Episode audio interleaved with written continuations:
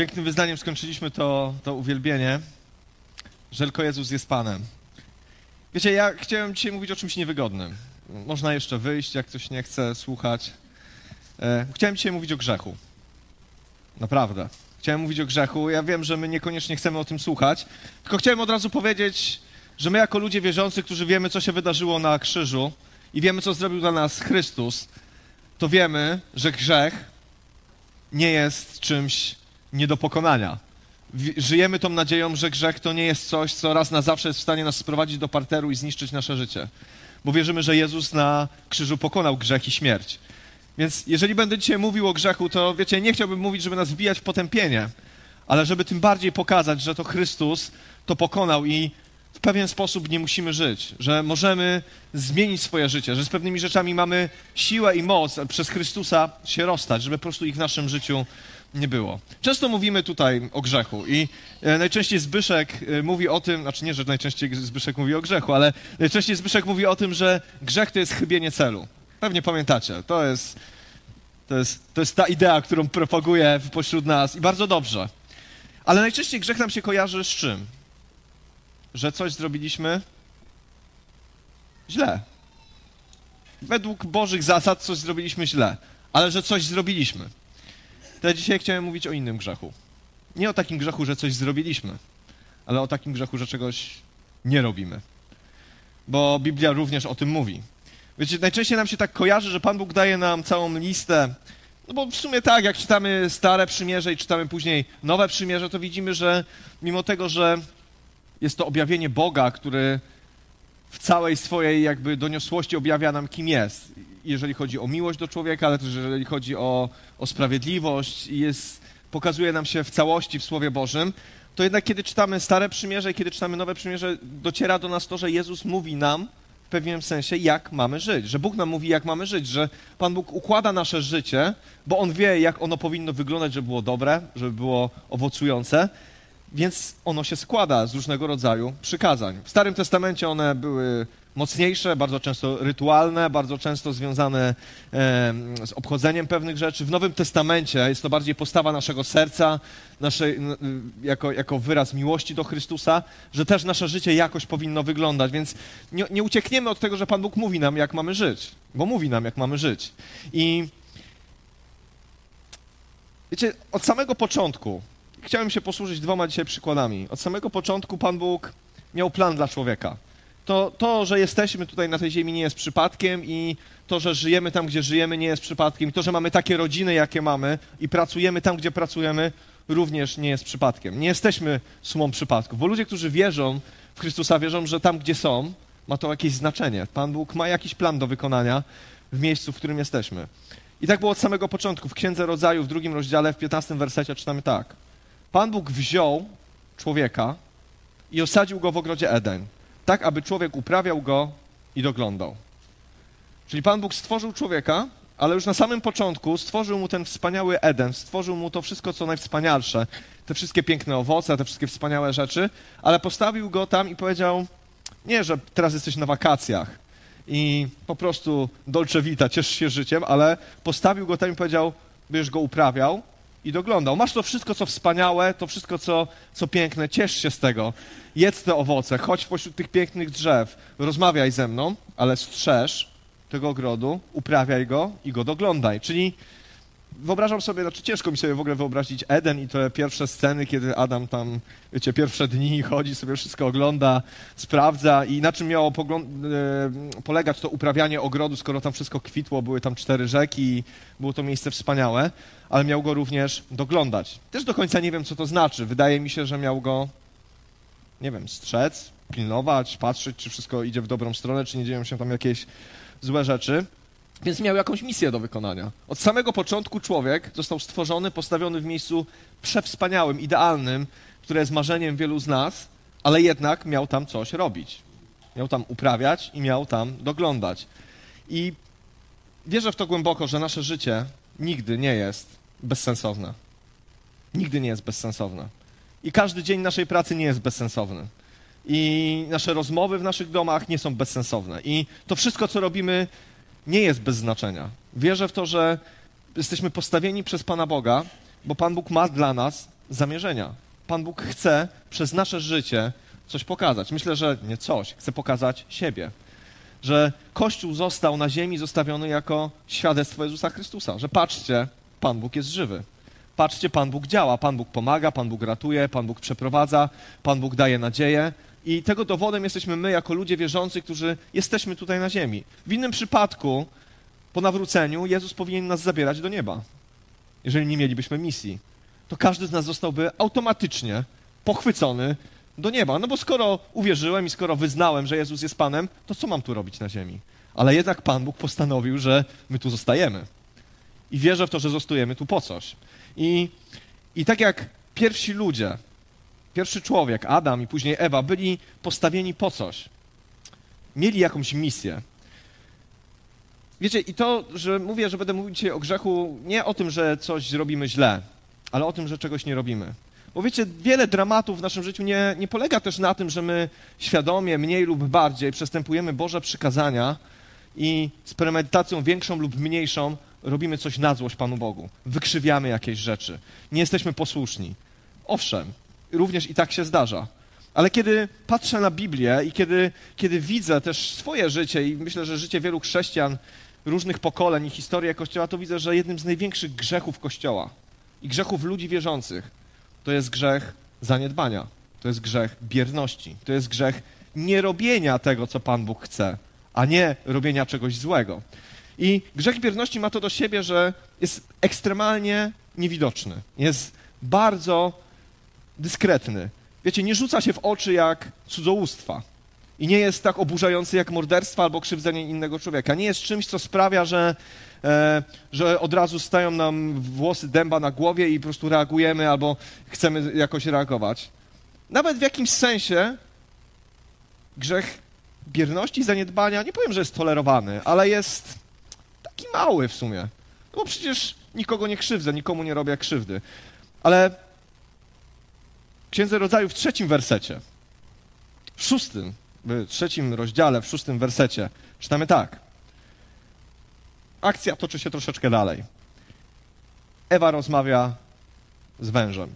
I czytamy tam tak. Kobieta przyjrzała się owocom, wydały jej się warte spróbowania, wyglądały pięknie, a ponadto dzięki nim mogła, mogło się ziścić jej pragnienie poznania. Sięgnęła więc po owoc, zerwała i zjadła. Podała też mężowi, który z nią przebywał, on również zjadł. Wiemy, wiecie, ja już nie chcę wracać do tego, jak ten dialog roz, wy, wyglądał, że tam wąż podważał Boże Słowa, ale to, co jest dla mnie szokujące w tej historii, to jest po pierwsze łatwość, z jaką ten owoc został zjedzony, a po drugie bierność Adama, który po prostu stał sobie obok.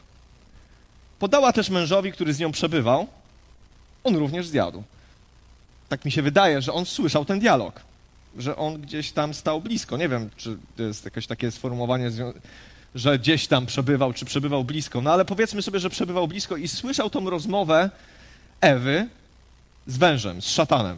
I on to wszystko słyszał. I kiedy ona podjęła decyzję, że zerwie ten owoc, zjadła i dała go Adamowi, to ja tu nie widzę, żeby on jakoś szczególnie protestował, zastanawiał się. On po prostu zjadł. On po prostu zjadł. A to jest człowiek, który dostał misję od Pana Boga, żeby uprawiał ogród i żeby go doglądał. A kiedy zaczęły się dziać tam rzeczy, które nie powinny się dziać, i myślę, że Adam był tego świadomy, to on po prostu był bierny. On był bierny, on sobie stał, już nie, wiecie, są takie historie, że on nie powinien tego węża tam wpuścić. W sumie nie wiem, nie wiem, może wąż, znaczy węża to też są Boże stworzenia, ale w każdym bądź razie, już niezależnie od tego, czy wpuścił tam tego węża, czy go nie wpuścił, czy to było jego zadanie, czy nie, to on po prostu biernie tego słuchał i, i zjadł ten owoc. Wiecie, i tak sobie myślę, patrząc, patrząc na tą historię, która jest znana nam wszystkim, widzę, że, że ta bierność Adama, ta jego niekonsekwencja, te, te jego zaniedbanie, które, które wykonał, uruchomiła całą sekwencję zdarzeń i oto jesteśmy. Że grzech bierności nie zawsze objawia się tu i teraz jakimś widowiskowym upadkiem ale uruchamia pewną sekwencję wydarzeń. Pewną sekwencję wydarzeń, które doprowadzają do upadku, które doprowadzają do bólu, śmierci, zniszczenia. Konsekwencją tego było to, że im oczy się otworzyły, zobaczyli dobro i zło, przestąpili Boże przykazanie, zgrzeszyli po raz pierwszy i my dzisiaj żyjemy w świecie, w którym jest grzech, w którym jest pełno nieposłuszeństwa, w którym Chrystus przyszedł, żeby nas zbawić, ale to uruchomiło pewną, nie, pewną rzecz. Wiecie, i moglibyśmy powiedzieć, że no co to takiego jest? No to przecież Ewa, wiadomo, na niej się skupiamy bardzo często, że ona zjadła, ona dała się zwieść i tak dalej, ale popatrzmy na to z drugiej strony. Co robił w tym czasie Adam? Gdzie on był? Co on miał w głowie? Dlaczego on na to wszystko pozwolił? I nie, nie, nie, nie rozdzielając procentowo, kto był bardziej winny, kto, bardziej, kto mniej był winny, ale, ale to pokazuje jedną rzecz, że dostając proste zadanie, proste zadanie, strzeż, doglądaj tego ogrodu, uprawiaj go, po prostu zostało to zaniedbane. Nie wiem, czy przez pryzmat tego, że to wszystko takie piękne było, że może mi się wydawało, że to już jest takie cukierkowe i nigdy to się nie skończy, że są piękne zwierzątka, piękne rośliny, jest wspaniale, żyjemy w raju i stracili czujność. Być może. Ale jedno jest pewne: zaniedbali rzecz, która została im dana przez Pana Boga. Przestali się na tym skupiać i przez to wkradł się grzech do ich życia, który później ich zniszczył. Dlaczego taka bierna postawa? Ja, ja, sobie zadałem pytania, mnóstwo pytań, kiedy, kiedy przeczytałem ten werset i zacząłem się nad nim zastanawiać. Podała też mężowi, który z nią przebywał, on zjadł. I tak się zastanawiam, dlaczego? Jakby, dlaczego był obojętny? Czy to był jakiś brak wyobraźni? Czy to było lenistwo? Nie wiem. Dlaczego on nie zareagował? Dlaczego takie rzeczy się dzieją? I, I chciałbym dzisiaj o tym mówić, bo wydaje mi się, że spośród wszystkich rzeczy, na które jesteśmy narażeni, bo nasze oczy patrzą na rzeczy, które nie zawsze są Boże. Nasze pragnienia naszego serca nie zawsze są zgodne z Bożymi pragnieniami i często dążą do rzeczy grzesznych.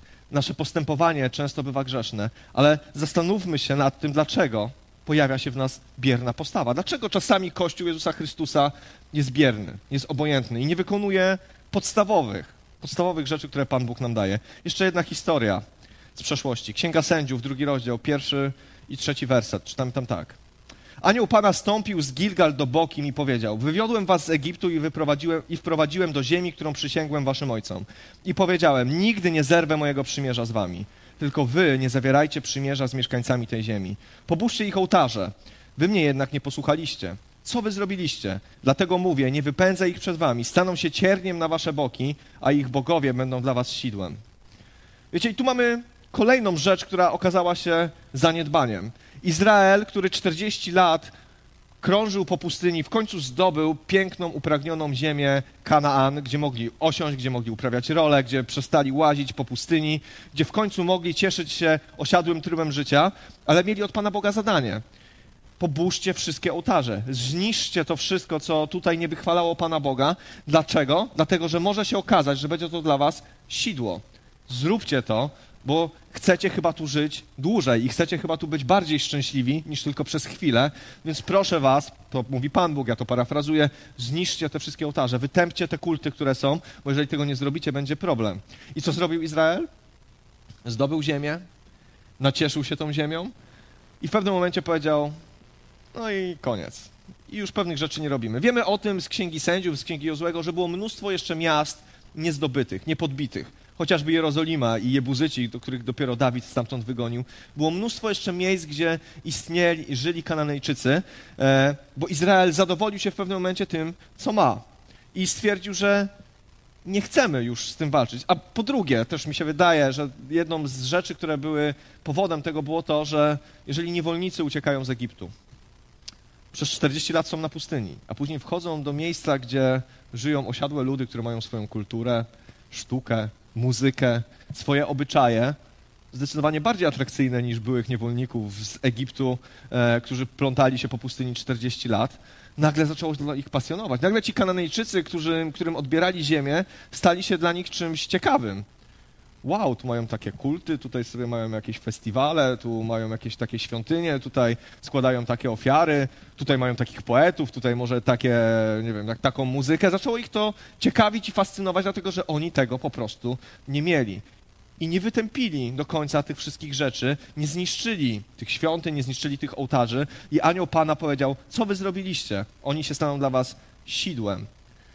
I będą ci bogowie będą dla was sidłem. I to jest znowu grzech zaniedbania, niedokończenie pewnego dzieła, który uruchomił pewną sekwencję wydarzeń. I ta sekwencja wydarzeń skończyła się na całkowitym zniszczeniu Izraela północnego i południowego i wygnaniem do Babilonu. bo ten, to zaniedbanie i ten moment, w którym oni powiedzieli, nie zrobimy do końca tego, o co Pan Bóg nas prosił, spowodowało, że cała historia Izraela w bardzo dużym skrócie polegała na tym, że odchodzili od Pana Boga, czcili Baale, Asztarty, Molochy, e, inne bóstwa. Działo im się źle z tego powodu, zaczęli wołać do Pana, Pan Bóg przychodził i ich ratował i przez kolejne 450 lat działo się dokładnie to samo. Pan Bóg wzbudzał im proroków, królów, ludzi, którzy ich napominali, a oni jednak ciągle wracali do tego, do tego momentu, w którym zaniedbali, którym zostawili coś, czego zostawić nie powinni, których zaniedbali to, co powinni zrobić. I wiecie, dla mnie, dla mnie ta historia jest też e, historią o tym, że walczymy. Myślę, że e, obserwując też świat, w którym żyjemy, lubimy wojować na słowa, e, na, na różnego rodzaju porównania i, i chcemy walczyć z grzechem. I wiecie, są całe krucjaty chrześcijan przeciwko homoseksualizmowi, przeciwko różnym rzeczom złym. Ja tego oczywiście uważam, że to jest grzech, ale są całe krucjaty i, i ludzie tak bardzo chcą walczyć z tym złem, które jest wokół nas, takie silne, namacalne. I prawda, jest silne i namacalne. Ale myślę, że często nas, chrześcijan, ludzi wierzących, którzy powinni być świadectwem i światłem tego świata, jakby toczy taki, taki problem, taki, taki grzech zaniedbania, bierności i niebycia posłusznym Panu Bogu w tym, co jest naprawdę istotne i kluczowe, w tych fundamentalnych powołaniach, które Pan Bóg nam daje, że, że czasami zaniedbujemy to, co jest dobre, to, co Pan Bóg nam mówi, styl życia, nasze codzienne obowiązki, nasze podejście do ludzi. Zaniedbujemy to, tocząc kampanię, krucjaty przeciwko czemuś wielkiemu, temu złu, które strzeży na nas swoje oczy, czasami nie widząc, że w głębi gdzieś tam my sami tak naprawdę mijamy się z tym, co Pan Bóg ma dla nas. I wiecie, i to, co zrobił Izrael, to, co zrobił Adam i Ewa, i, i, i nasze zachowania, które możemy sobie teraz, mogą nam stanąć przed oczyma, nasze zaniedbania, nasze te momenty, w których stwierdziliśmy, że dobrze mi jest. Osiągnąłem pewien poziom, spotkałem się z Panem Bogiem, wyrwał mnie z moich grzechów, z moich uzależnień, wyciągnął mnie z czegoś, w sumie już jest dobrze, już jest przyjemnie, już, już w sumie okej. Okay. I zatrzymujemy się na pewnym poziomie. Zatrzymujemy się na pewnym poziomie, mówiąc, że już jestem usatysfakcjonowany. Jak ten Izrael, który w końcu zobaczył zielone łąki po 40 latach na pustyni i stwierdził: Wow, super, Boże obietnice się spełniły. Spełniły się. Ale Boża obietnica mówiła: Przyjdziecie, będziecie tu mieszkać ale jeżeli chcecie tu mieszkać na wieki i zawsze żyć w dobrostanie, chcecie, żebym wam błogosławił, to zróbcie to i to, bądźcie mi posłuszni, wytępcie te kulty. Ale oni zobaczyli te piękne zielone łąki, powiedzieli, wow, to jest super, my już zostajemy. Nie robimy dalej, nie, nie zdobywamy tych twierdz, nie będziemy ryzykować swoim życiem, w końcu jest nam przyjemnie. I wiecie, kiedy, kiedy sobie o tym myślę, to tak jest bardzo często w naszym życiu. Panie Boże, uratuj mnie. Jestem alkoholikiem, jestem narkomanem, jestem cudzołożnikiem, mam problemy, jestem kłamcą, ratuj mnie, bo mnie ten grzech zabija. Wołamy do Pana Boga, kiedy mamy problemy, On nas wyrywa. On nam przebacza, bo to jest dobra nowina. On nas stawia na skalę, On daje nam świeżą, czystą szatę i mówi, jesteś moim dzieckiem. I wtedy bardzo często rozpoczyna się nie walka z tym grzechem, z którym walczyliśmy wcześniej, z tymi uzależnieniami i problemami, ale od tego momentu zaczyna się walka, która jest równie podstępna nagle pojawia się zadowolenie, samozadowolenie, nagle pojawia się bierność, nagle pojawia się moment, w którym chcemy, co nie jest złe, cieszyć się pewnymi rzeczami. Tylko, że Pan Bóg mówi, że dobrze, ja chcę, żebyście się cieszyli moimi rzeczami, ale jeżeli nie będziecie czujni, nie będziecie posłuszni do końca, jeżeli nie, nie oddacie wszystkiego, ta radość szybko może się skończyć. Możecie uruchomić sekwencję taką cichą, tam coś może pstryknąć przez wasze zaniedbanie i po iluś latach, po jakimś czasie coś się wydarzy. Wydarzy się jakiś, jakaś rzecz, która spowoduje upadek, która spowoduje już nie tylko zobojętnienie, ale spowoduje realny upadek w życiu człowieka. I Słowo Boże o tym mówi.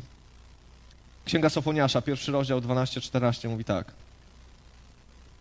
Gdy przyjdzie ten czas, przeszukam Jerozolimę przy świetle lamp i ukażę siedzących drętwo, nad resztkami wina, myślących ze swoim, w swoim sercu, nie uczyni Pan Bóg nic dobrego, ale także nic złego. Ich mienie stanie się łupem, a ich domy ruiną. Wybudują je, lecz w nich nie zamieszkają. Zasadzą winnice, lecz nie napiją się wina. Widzimy tu obraz Izraela, po latach, nie wiem, 200, 300. Minął czas. Wiecie, czas jest zawsze najlepszym e, papierkiem lakmusowym tego, w co wierzymy, jak działamy. Kiedy obejrzymy się wstecz, to zobaczymy, jaka jest nasza wiara. Kiedy popatrzymy wstecz, to zobaczymy, jak jesteśmy posłuszni Panu Bogu. Po 200-300 latach ten Izrael, który stwierdził, już dalej nie walczymy, już dalej nie będziemy wycinać i niszczyć tych ołtarzy, nawet nam się to podoba. Po 300 latach ten Izrael był w miejscu, w którym przeszukam Jerozolimę i zobaczę ludzi siedzących drętwo nad resztkami wina. Mieli już wino i mieli już miasto i mieli już pewien status materialny, i mieli już nawet jakąś renomę w tamtym świecie. Nawet przez jakiś czas byli lokalnym imperium. I, i mówią tak, nie uczyni Pan Bóg nic dobrego, a także nic złego. Wpadli w odrętwienie, wpadli w bierność, wpadli w miejsce, w którym zadowolili się tym, co, mali, co mieli. I siedzieli nad resztkami jakiegoś wina, odrętwiali i mówili, że Pan Bóg już nie uczyni nic dobrego ale też nie dopuszczali do siebie myśli, że nie uczyni nic złego. Wiecie, osiągnęli taki poziom, który mnie osobiście przeraża i, i tak sobie myślę, że to jest jedna z rzeczy, których Pan Bóg bardzo nie chce dla swojego Kościoła. Nie chce dla Ciebie i nie chce dla mnie, żebyśmy odrętwiali. Żebyśmy stali się ludźmi, którzy żyją, tak po prostu wegetują, mówią, Pan Bóg nie uczyni być może nic super dobrego jeszcze w moim życiu, ale też jeszcze nie uczyni, ale też już jestem na tyle bezpieczny, że nie uczyni nic złego. Ale chciałem wam powiedzieć, i to mnie bardzo dotyka, że jest wręcz odwrotnie. Pan Bóg może uczynić w twoim życiu jeszcze bardzo wiele dobrego. Ale jeżeli to zaniedbasz, to może również się w twoim życiu wydarzyć jeszcze wiele rzeczy złych. Bo ja wierzę w to głęboko, że nasza relacja z Bogiem nie polega na tym, że zostało nam coś dane raz na zawsze bo Pan Bóg nas kocha i ma dla nas rzeczy najlepsze, najwspanialsze i cudowne. I chce, żebyśmy z Nim byli, i chce, żebyśmy Go szukali, i chce, żebyśmy e, szukali Jego obecności, ale jeżeli przestaniemy to robić, jeżeli spoczniemy na laurach, jeżeli powiemy sobie, wystarczy, to jesteśmy w najbardziej niebezpiecznym miejscu. W najbardziej niebezpiecznym miejscu. W miejscu zadowolonego Adama w Edenie, w miejscu zadowolonego Izraela po zdobyciu Kanaanu, w miejscu zadowolenia Izraela później, kiedy już mieli bogactwo, w miejscu, w którym wydaje ci się, że jesteś bezpieczny, ale tak naprawdę jesteś w miejscu najbardziej niebezpiecznym dla Twojej wiary i dla Twojego życia z Panem Bogiem. W miejscu, w którym jesteś obojętny. W którym już ci obojętnie, czy na nabożeństwie będzie dobrze, czy źle. I jest ci obojętnie, czy to nabożeństwo czy Pan Bóg przemówi do Twojego serca, kiedy czytasz Biblię. W miejscu, w którym jesteś obojętny, czy kiedy ktoś położy na Ciebie ręce, to coś się wydarzy, i w miejscu obojętnym, trudno, jak jest, tak jest, jakoś dojadę do mety. To jest najbardziej niebezpieczne miejsce dla chrześcijan. Bo to jest miejsce, które powoduje, że jesteśmy już tylko o krok. Że jesteśmy już tylko o krok od katastrofy. I mówi o tym Biblia wielokrotnie. A później w tym samym, tej samej księdze Safania, Safo, Sofoniasza, przepraszam, jest tak, w 12 wersecie, w 14. Bliski jest dzień Pana. Bliski i rychło nastąpi. Odgłos dnia Pana jest straszny. Najśmielsi będą w nim wołać o ratunek. Bo wiecie, w tym wszystkim, jak żyjemy, jak postępujemy, jakie mamy podejścia do Pana Boga, nigdy nie powinno nam znikać sprzed oczu to, że my mamy jakiś cel że my wiemy, jak historia tego świata będzie wyglądać. Że my wiemy, że nie Pan Bóg nie tylko przyszedł tu i teraz nas ratować, ale Jego plan jest szerszy, dalszy. On nie patrzy tylko na tu i teraz Twojego życia, ale On patrzy na wieczność, którą spędzisz, na moją wieczność. Historia świata jest zapisana i nam objawiona, my to wiemy. My nie żyjemy, tak jak Biblia mówi, jako synowie ciemności. My nie chodzimy w ciemności. Pan Bóg nam powiedział, co się wydarzy. Pan Bóg nam powiedział, że przyjdzie. Pan Bóg nas powiedział, że przyjdzie taki dzień, kiedy każdy przed nim stanie i będzie musiał zdać sprawę ze swoich uczynków, ze swoich postanowień, ze, ze swoich pragnień. Przyjdzie taki dzień.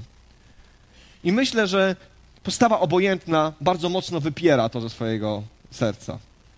Bo wiecie, Myślę, że pierwszą rzeczą, która powoduje, że dobrze czujemy się w obojętności i w byle jakości, jest usunięcie tego z naszego życia.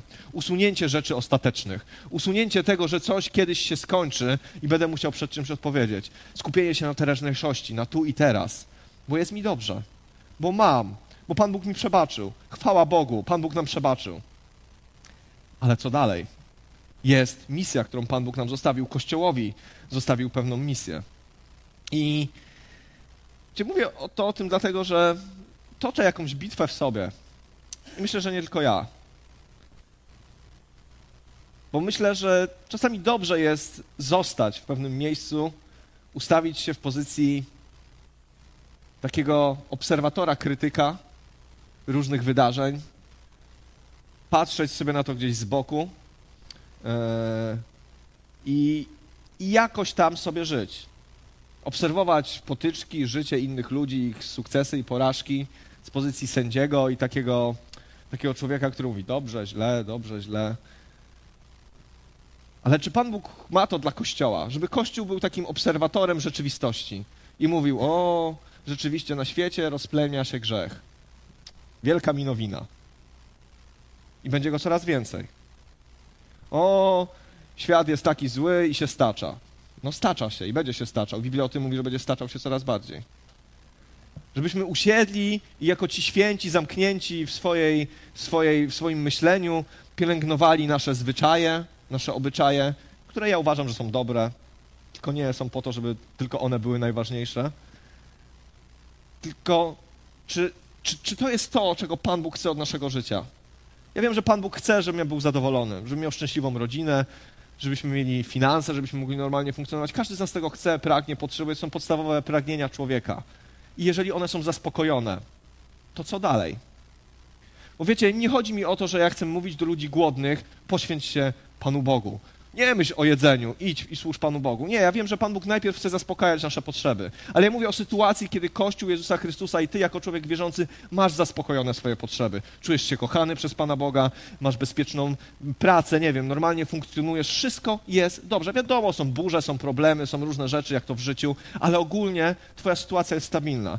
To jest słowo właśnie do takich ludzi, gdzie wszystko jest stabilne. I czy to o to chodzi, żeby było już do końca życia tylko i wyłącznie stabilnie? Żeby, żeby już w tym zostać, żeby już się tym zaspokoić, żeby już powiedzieć, no dobrze, no to już swoje przeżyłem, swoje, swoje wywalczyłem i teraz siadam i będę obserwował, jak ci, którzy są na początku drogi, się zmagają. Jak oni tam popełniają błędy, jak oni robią różne rzeczy, dobrze, źle. Wiecie, boję się tej postawy w moim życiu, bo powiem wam szczerze, że czasami ją mam. I mnie to przeraziło ostatnio. Naprawdę mnie to przeraziło. Przeraziło mnie, że za kilka lat mogę być człowiekiem, który siedzi drętwo nad resztkami wina i mówi: Jak jest, tak jest. Jakoś się dokulamy. Jak jest, tak jest. Ale ta historia mówi o tym, że oni się nie dokulali. I to jest największy koszmar tej historii. Że oni się nie dokulali, że oni skończyli w niewoli w Babilonie, bo wcale nie jest tak, że jak jest, tak jest. I Pan Bóg nie chce, żebyśmy mieli taką postawę. Jest jak jest. Jakoś to będzie, zobaczymy. Teraz przeczytam fragment ulubiony wszystkich kaznodziei, którzy chcą troszeczkę złajać Kościół. A ja nie chcę nikogo łajać. Uwierzcie mi, że jeżeli kogoś chcę łajać, to również siebie. Księga Objawienia, trzeci rozdział, 15-19. List do Laodycei. Jest taka teoria, że listy w objawieniu świętego Jana pokazują historię Kościoła. Że od pierwszego listu do siódmego listu jest to jakiś okres historii Kościoła. Nie wiem, czy to jest prawda, nie znam się tak dobrze na teologii i na historii świata, żeby tak zrobić, ale list do Laodycei jest siódmy, jest ostatni. I nie wiem, czy pozostałe pasują, ale ostatni na pewno pasuje. Wiem o Twoich czynach. Nie jesteś ani zimny, ani gorący obyś był zimny albo gorący, a ponieważ jesteś letni, ani gorący, ani zimny, wypluję cię z moich ust. Mówisz, jestem bogaty, wzbogaciłem się i niczego nie potrzebuję. Nie widzisz jednak, że jesteś nędzny, żałosny, biedny, ślepy i goły.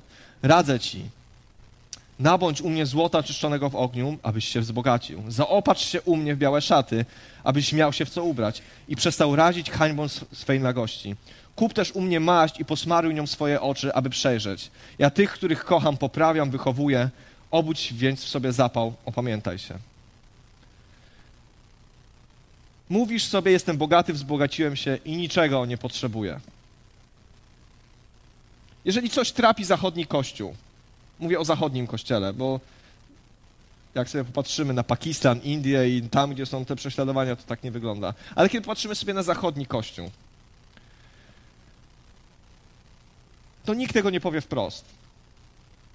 Ale bardzo często epatuje to z naszych rozmów, z naszego życia, z naszych zachowań. Jesteśmy bogaci, wzbogaciliśmy się i niczego już nie potrzebujemy. To, co mamy, to mamy, to nam starczy. Być może to już jest resztka mętnego wina, ale zawsze to jakieś wino i zawsze gdzieś tam jest. I jakoś to będzie. Jesteśmy bogaci, bo jesteśmy bogaci. I może nam się wydawać po ludzku, że niczego nie potrzebujemy. Myślę, że ludzie, którzy takich rzeczy bardzo doczesnych potrzebują, jakoś im troszeczkę łatwiej albo częściej wołają do Pana Boga. Zresztą to jest doświadczenie każdego z nas, myślę, niepodważalne. Ale Jezus mówi tak. Jezus mówi coś, co myślę, że nikt z nas nie chce usłyszeć, ale powtarzam. Robi to dlatego, że nas kocha. Robi to dlatego, że nas kocha i mówi to dlatego, że nas kocha. Nie mówi to dlatego, że mówi, jak ja was nie lubię, jak wy mnie męczycie tymi modlitwami w kółko, to samo, to samo. Nie. Jezus mówi, bo nas kocha i mówi tak. Ale wiesz co? Chcę, żebyś zobaczył, że tak naprawdę jesteś nędzny, żałosny, biedny, ślepy i goły. Bo to, że materialnie masz, to, że w swojej głowie tak sobie poukładałeś rzeczywistość, że czujesz się panem swojego życia, to jest jedna sprawa. Ale w tej sferze duchowej, w kwestii wyjeczności, w kwestii tego, że jest jakiś dalszy plan niż do poniedziałku, że Pan Bóg ma pewne rzeczy ustalone, to jednak nie widzisz.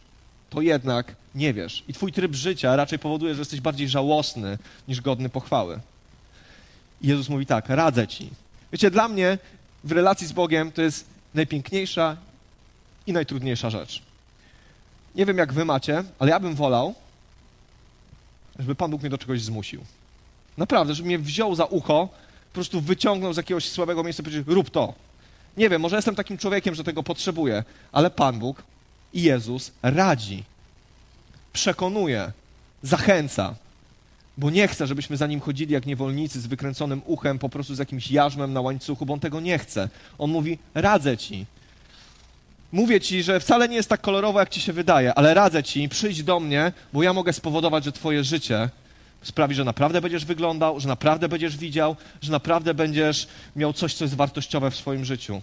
Że przestaniesz oszukiwać sam siebie i staniesz w miejscu, że najpierw się trochę zawstydzisz i zobaczysz, kim jesteś, ale później od razu zobaczysz, że jest tylko jedno miejsce, w którym to możesz dostać. Wiecie, bo czasami problemem jest nie to, że, że my czegoś nie mamy od Pana Boga. Problemem jest to, że my nie chcemy pewnych rzeczy zobaczyć, pogodzić się z faktami. Pogodzić się z faktami, że rzeczywiście bez Pana Boga nic nie możemy. Jeżeli zobaczysz prawdziwie swoimi oczyma, że bez Pana Boga nic nie możesz, jeżeli zobaczysz, że jesteś nagi, potrzebujący i że tak naprawdę tylko On jest tym źródłem, to wtedy do Niego się udasz. Ale jeżeli oszukujemy samych siebie, jeżeli mówimy sobie, że wszystko jest w porządku, wszystko jest dobrze, jakoś się kręci, jakoś się buja, od niedzieli do niedzieli, od niedzieli do czwartku, to dla bardziej rozwiniętych chrześcijan, czy tam, wiecie, nie wszyscy mają czas w czwartek, nie chcę też tak e, spłycać chrześcijaństwa do chodzenia na nabożeństwa, ale, ale że Pan Bóg chce, żebyśmy troszeczkę zobaczyli. Wiecie, mnie to dotyka bardzo mocno, bo spośród wszystkich rzeczy, które możemy dzisiaj robić, a naprawdę możemy robić wiele, Pośród wszystkich rzeczy, które możemy sobie e, sami oferować, jest jedna rzecz, która, której nie jesteśmy w stanie jako ludzie wytworzyć. Nie jesteśmy w stanie wytworzyć Bożego działania. Nie jesteśmy w stanie wytworzyć tego, że Pan Bóg dotyka serc naszych bliskich, naszych znajomych, naszych rodzin. Możemy zatańczyć, zaśpiewać, zagrać, namalować, nie wiem, możemy wymyślić, co nam się żywnie podoba. Ale to tylko Duch Święty przychodzi, dotyka serc ludzkich, tylko On przemawia. Tylko Duch Święty Jezus widoczny w nas tak naprawdę łamie serca. I róbmy dalej to, co robimy. Bądźmy wierni w tym wszystkim. Pan Bóg będzie dotykał serca, w to wierzę, ale tak sobie myślę, tak głęboko, że często pada słowo przebudzenie. Mówimy o przebudzeniu. Chcemy, żeby Polska się przebudziła. Ja też chcę, żeby się przebudziła. Ale wiecie, tak naprawdę w głębi serca wiem, że pierwszy, który powinien się przebudzić, to jest Kościół. To jest Kościół Jezusa Chrystusa, żeby zobaczył, że On potrzebuje maści na oczy, żeby przestał być bierny, żeby przestał być apatyczny, żeby przestał zaniedbywać rzeczy podstawowe. Żeby przestał zaniedbywać rzeczy podstawowe, żebyśmy nie, nie zostawiali za sobą. Wiecie, może dzisiaj już tak nie jest, nie wiem, nie znam się na współczesnej sztuce wojskowej, ale kiedyś tak, przynajmniej za Aleksandra Wielkiego było, że Aleksander Wielki był bardzo uparty. On jak coś zdobywał, to stwierdzał, że nie może za sobą zostawić żadnej twierdzy. Nikt mu nie może tam zniszczyć trasy zaopatrzenia. Więc siedział pod jakimś tyrem przez rok, bo wiedział, że nie może pójść dalej. Musi zdobyć ten tyr. Zdobył ten tyr i poszedł dalej. Później utknął pod jakimś aszkalonem. Kolejny rok siedział pod aszkalonem, zdobył aszkalon, poszedł dalej. W ciągu iluś tam lat zdobył całą Persję, ale nie chciał zostawić za sobą nic, co jest niezałatwione, bo wiedział, że prędzej czy później To jest tykająca bomba, która prędzej czy później wybuchnie. Wiecie, ja dzisiaj chciałem o tym powiedzieć, że Pan Bóg nas kocha, że Pan Bóg chce dla nas dobrze, że Pan Bóg nas wychowuje i On chce, żebyśmy obudzili w sobie zapał, ale On też chce, żebyśmy pokutowali z naszych zaniedbań. Wiecie, ja dzisiaj nie chcę mówić, jakie one mogą być, ale dobrze wiesz w swoim życiu rodzinnym, dobrze wiesz w swoim życiu zawodowym, dobrze wiesz w swojej relacji z Panem Bogiem. Ty dobrze o tym wiesz i Duch Święty będzie ci to przypominał co zaniedbałeś, co zlekceważyłeś, co, gdzie jesteś bierny, gdzie nie masz tej postawy, której Pan Bóg od ciebie chce. To ty wiesz najlepiej takie rzeczy. Pan Bóg dzisiaj, ja wierzę w to głęboko do mnie i myślę, że do wielu z nas się przychodzi, mówi, ja Ciebie kocham, ja chcę Ciebie wychowywać. Wiecie, prawdziwa miłość nie polega na tym, że kogoś zostawiamy i mówimy, kocham Cię, bądź sobie taki, jaki jesteś. Jak wychowujemy dzieci, to nie chcemy, żeby były byle jakie, tylko chcemy, żeby to się czasami wiąże niestety z nieprzyjemnymi rozmowami, troszeczkę z krzyków, jakichś tam różnych rzeczy, ale nie chcemy, żeby były po prostu, żeby wyrosły sobie gdzieś na podwórku i, i robiły sobie różne rzeczy. Nie chcemy tego.